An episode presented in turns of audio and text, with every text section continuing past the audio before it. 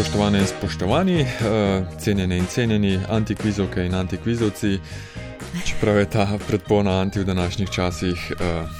Nepriljubljena. Ja, lahko sporna. E, kakorkoli nova izvedba stalne petkove jutranje prakse, antikviza. Ja, dobro jutro. Težko je verjeti, da tako velika in strateško pomembna država še ni gostovala v antikvizu, pa še res veliko se govori o njej v zadnjem času. Skoraj, Afganistan. Tako, po skoraj 20 letih so ga zapustili američani in ga prepustili tistim, ki so v njem vladali preden so ga prišli osvoboditi. No, osvoboditi terorizma, kot smo slišali ta ali prejšnji teden ameriškega predsednika, svoj cilj so bojda dosegli. Aktualne razmere so torej povod za današnji antikviz, v katerem se bomo bolj ali manj izognili aktualnim razmeram. Upam.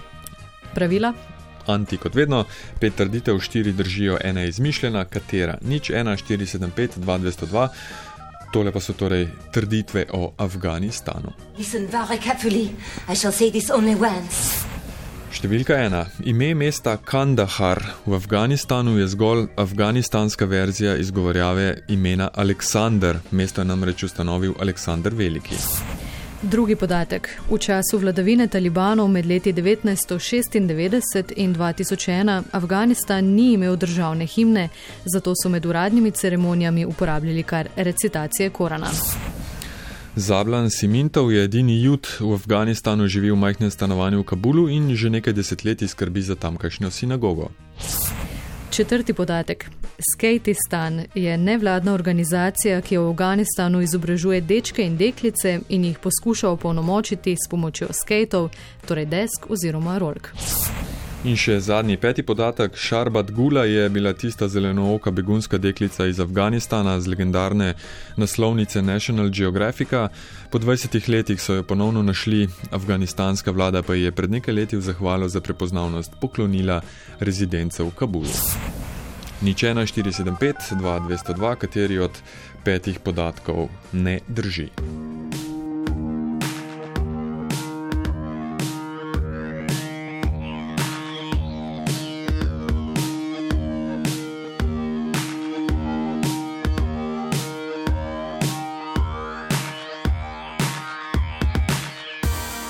Ja, nič ni tako anti, kot uh, je anti to, kar se trenutno dogaja v Afganistanu. Tine je prvi, ki je poklical Tine, pozdravljeni.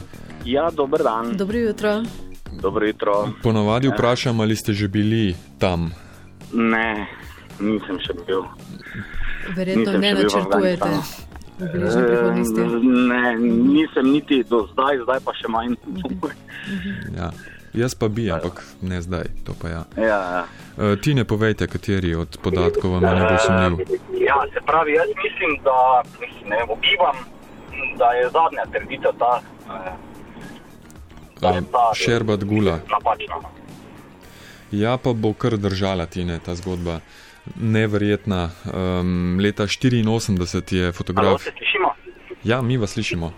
Uh, Tine. Halo, ja, se slišimo, ja, pardon. E, zadnja trditev mislim, da je napačna. No? Ja, žal, e, žal je kar pravilna. Ali pa ne, Aha. ali pa na srečo. Taka ja. zanimiva zgodba. Leta 1984 je fotograf Steve McCurry uh, fotografiral afganistansko begunsko deklico z zelenimi očmi v rjavo-rdečem oblačilu. Uh, fotografija z naslovom Afghan Girl je leto pozneje pristala na naslovnici National Geographica. In potem, skoraj 20 let pozneje, to je bilo leta 2002, eh, so identificirali eh, to nekoč deklico kot Šarbat Gulo. Eh, prej veljala kar za afganistansko deklico, ki jo je fotograf ujel v objektiv v Pakistanu v begunskem taborišču. Ja, in omenjena fotografija seveda velja za eno najbolj znanih, enega najbolj znanih portretov na svetu vseh časov. Pravijo je tudi prva Monaliza tretjega sveta, hkrati je fotografija simbol Afganistana na zahodu, tako ga pač eh, ne bi mi videli. Eh, po letu 2002 je postala tudi simbol pravic žensk v Afganistanu. Eh, kaj se pa vmes dogajalo s paštunsko deklico Šarbat Gula, torej po letu 84? Mekari je v 90-ih poskušal deklico več let neuspešno poiskati. Dokler ji niso potem konec leta 2002 našli v neki gorski vasici med Afganistanom in Pakistanom. Eh, in jo identificirali s tehnologijo prepoznave obraza. Eh, potem pa sestavili celotno zgodbo, spomnila se je tudi tega fotografa. Ja, njena zgodba z družino so iz Afganistana zbežali v Pakistan med sovjetskim bombardiranjem države, ko je bila stara šest let. V begunskem taborišču se je potem poročila pri 13, pri 16, to je bilo leta 92, so se vrnili v Afganistan. Danes je vdova, mož je leta 2012 umrl za hepatitisom C, ima dva sinova in tri hčere, ena je umrla v mestu, je bila četrta, je verna muslimanka, sprva je zavračala sploh to srečanje leta 2002 s fotografom, ker je bil pač moški in še tujec. No, v pogovoru takrat je pa rekla tudi, da je bilo pod talibani, to je bilo leto po uh, posredovanju uh, zavezniških sil, uh, da je bilo bolje pod talibani zaradi reda in miru in da je vsa ta taborišča preživela po božji volji. In leta 2016 eh, so Šarbat aretirali v Pakistanu. Imela je ponarejene dokumente, z družino je živela delno v Pakistanu, delno v Afganistanu, eh, odvisno od takratnih varnostnih razmer. Izgnali so jo potem iz Pakistana, je pa družino v Kabulu eh, potem sprejel Ashraf Ghani in njegov predhodnik Hamid Karzaj. Ja, ki sta potem takrat obljubila, da bosta poskrbela za stanovanje in sredstva, s katerimi bo družina lahko živela in uh, sta poskrbela, kako se bo pa zdaj to odvilo, uh mhm. -huh. ker sta tudi, oziroma vsaj Gani, uh, begunec, kar zdaj je ostal v Afganistanu, kako se bo odvijalo naprej. Pa, uh, sem hotel reči, ve samo, pa ne bom. Tine. Ja, hvala, hvala za klic. Ja, hvala vam, nasvidenje. Ja. Nekoliko daljša zgodba, ker je kar tipična zgodba za Afganistan. Igor. Eh, dobro jutro. Dobro jutro. Dobro jutro, pozdravljeni. Vi pa pravite od 1 do 4. Mi nisem dobro spremljal, a, ampak a, tista zgodba o prisotnosti a, židov v Afganistanu, tisto, tisto mi je sumljivo. Mislim, da je trojka. Uh, ni trojka, ni trojka. Ja. Zablon, Zablon Simintov je dejansko jud in dejansko živi v Afganistanu. Tudi on ima zanimivo zgodbo, rodil se je v Heratu leta 1959, se pravi, že kar eh, nekaj vode je preteklo takrat. Potem se je med sovjetsko okupacijo preselil v Kabul. No, v tistem času je večina judov potem odšla v Izrael, on je ostal. Sredi 90-ih se je sicer za tri leta preselil v Turkmenistan, ampak se je potem leta 1998 uh, eh, vrnil v Kabul. Torej, to je bilo ravno v času uh, talibanske vladavine v državi. Ne? Ja, večkrat je bil pridržan, pretepen, uh, večkrat so oropali njegovo prodajalno preprog, uh, s čimer se ukvarja. Živi pa v majhni sobici v Kabulu in skrbi za edino sinagogo v Afganistanu. Ja, do leta 2005 sta to počela skupaj s prijateljem, eh, tudi judom Izakom eh, Levinom, potem je ta umrl. No, v več reportažah je Simintov eh, tudi razložil, kako prakticira svojo religijo, da nima od najbližjega rabina v Taškentu, v Uzbekistanu je dobil dovoljenje, da lahko sam obredno pripravlja košar hrano, preživlja se z donacijami. Um, ima tudi ženo in dve hčeri, uh, ki so se sicer izselile v Izrael, sam pravi, da nima tam uh, česa početi. Ja, torej sprva se je preživljal s preprogami, potem je prodajal kebab, potem so počasi začeli zmanjševati število ameriških vojakov v Afganistanu in se mu ta prodaja Aha. več ni izplačala. Ja, ne govori hebrejsko, ker pravi, da je Afganistanec, afganistanski Aha. jud. Eh, bojda je bil eh, osebni prijatelj Ašrafa Ganija, torej dosedanjega predsednika. No, aprila letos je napovedal, da morda zaradi razmer vseeno odide v Izrael, ampak kljub temu, da so mu zagotovili pred nekaj dnevi odhod, se je potem odločil, da zaenkrat še ostane. Zablon Simintov še vedno.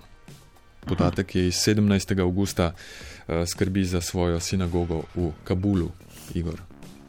Ja, kar noro. Vidu, želimo še naprej, da mu bo uspevalo. Uspevalo v miru, ne? Ja. Hvala lepa, Igor. Hvala. Ja, še kdaj, uh, Matjaš? Ja, ja, seveda. Matjaš pa naslednji, ki čaka. Dobro, dan. Dobro jutro. Dobro jutro, dober dan, pozdravljeni. Vi pa pravite? Meni pa tale, meni pa tale himna ne štima. Zakaj ne? Kako bo država brez himne, ne? Mislim, tudi če so verzi korona, je to še vedno himna. Tudi če je recitacija, bi človek rekel, da je še vedno himna, samo glede na obredno in simboliko pač tudi uh, teh uh, talibanskih, uh, se ne vem, kako bi jih imenoval. Uh, bi človek rekel, da za himno in ostale simbole bodo poskrbeli. Mm. Zanimivo in dobro razmišljanje. Eh, skoraj do potankosti pravilno. Uh, ja, to je podatek, ki smo ga iskali, torej antipodatek. Uh, to, da država ne bi imela himne, se danes res bolj težko zgodi. Um, res je tudi, da med leti 1996 in 2001, med vladavino talibanov v Afganistanu, režim ni imel zakonodaje, ki bi specificirala oziroma predvidela državne simbole, vključno zastavo in himno. Um, so pa ljudje sklepali, da, je, da himne niso imeli, ne, ker je po um, talibanski interpretaciji šeriatskega prava glasba prepovedana. So talibani na mesto himne uporabljali zgolj nek napev, uh, tako imenovani našit z naslovom To je dom pogumnih, ki je služil kot de facto himna, uradno pa himne res niso imeli in tudi dejansko to ni himna v smislu kot. Uh, himno razumemo mi. Ne. Ni pa to bil uh, kak napev z Korana, ne. to pa ne. Je pa ta napev uh, pred nekaj dnevi ponovno postal aktualen, ko so himno, ki so jo uporabljali vmes in je imela naslov Državna himna Islamske republike Afganistana. Um, Ampak ja, ja kot si dejal prej. Ne, um, Kar glasba. se tiče glasbe in talibanov, ne, za nje velja kot nepotrebna motnja resnega življenja, ki lahko človeka odvrne od kreposti. Uh, glasba sicer ni povsem prepovedana, prepovedana je instrumentalna glasba, ker je to satanovo delo. Uh -huh. uh, pa ena izjema obstaja in to je poseben boben, ki ga je, naj bi ga uporabljal že Mohamed. Uh, ta je dovoljen, dovoljeni pa so tudi religiozni. Vokalni napevi, tako kot je ta neuradna talibanska talibska himna Afganistana. Matjaš, čestitke, ostanite na vezi, zvezi, da vam pošljemo, uh, da poberemo podatke in vam pošljemo, vas pošljemo. ne, ne. Uh, hvala, Matjaš. Uh, hvala tudi vama in vsem poslušalcem in se priporočam za razlago ostalih. Uh, dveh, ki sta še ostali. Tako. Predvsem hvala poslušalcem, ki so poklicali pred vami. In za vami tudi. Točno tako. Ja, bom tako rekel. Priznam, da najprej me je tale z uh, tole deklico zelo mikala. No. Uh mhm. -huh. Zanimiva zgodba, ne? Zelo. Ja. Uh, dobro, Matjaš, uh, hvala lepa. Midva pa, hvala. kot naj jo je pozval, Matjaš, uh, greva najprej k meni najljubšemu podatku, ker tam je kar presenetil Kandahar, uh -huh. je mesto, ki ga je ustanovil res Aleksandr Veliki leta 330 PRNŠ ali pa PRKR, kakor komu ljubše, in ga poimenoval Aleksandrija Arkozija.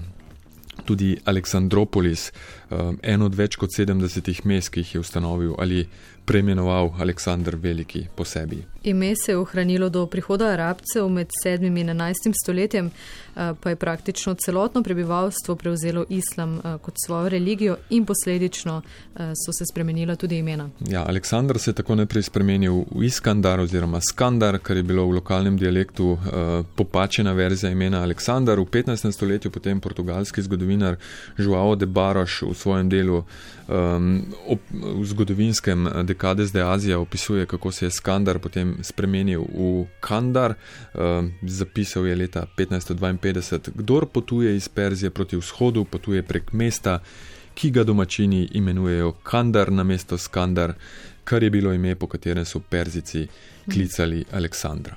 Iz imena Kandar pa se je potem razvilo ime Kandahar iz imena Aleksandr. Ja, tako, še ena razlaga nam je ostala. Skatistan. Skatistan, ja, uh mhm. -huh. povej. Ja, Skatistan, zdaj seveda ne vemo, kako je s to nevladno organizacijo v zadnjih dneh in pa tednih. Um, najbrž ne bo najbolje, glede na to, da so skati vseeno simbol zahodne kulture in najbrž novim vladarjem Afganistana ne bodo preveč. Ja, pa, pa vseeno. Skatistan je nevladna organizacija, ki jo je leta 2007 zasnoval avstralec Oliver Perkovič. Takrat je s tremi kolegi skateboarderji.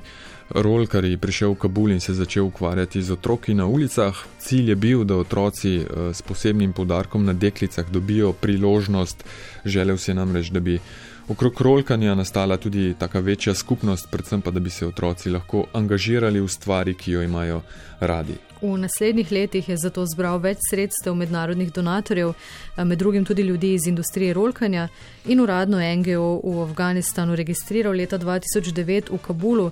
Takrat so odprli tudi prvo šolo rolkanja z velikim parkom, z učilnico in pa z dvorano. Ja, drug tak center so potem odprli leta 2013 v mestu Mazare Sharif, eh, prav tako v Afganistanu. Projekt je bil uspešen, Um, tako uspešen, da so vmes odprli še dva taka centra, leta 2012 v Phnom Penhu v Kambodži in 2014 v Johannesburgu v Južni Afriki. Kje so danes?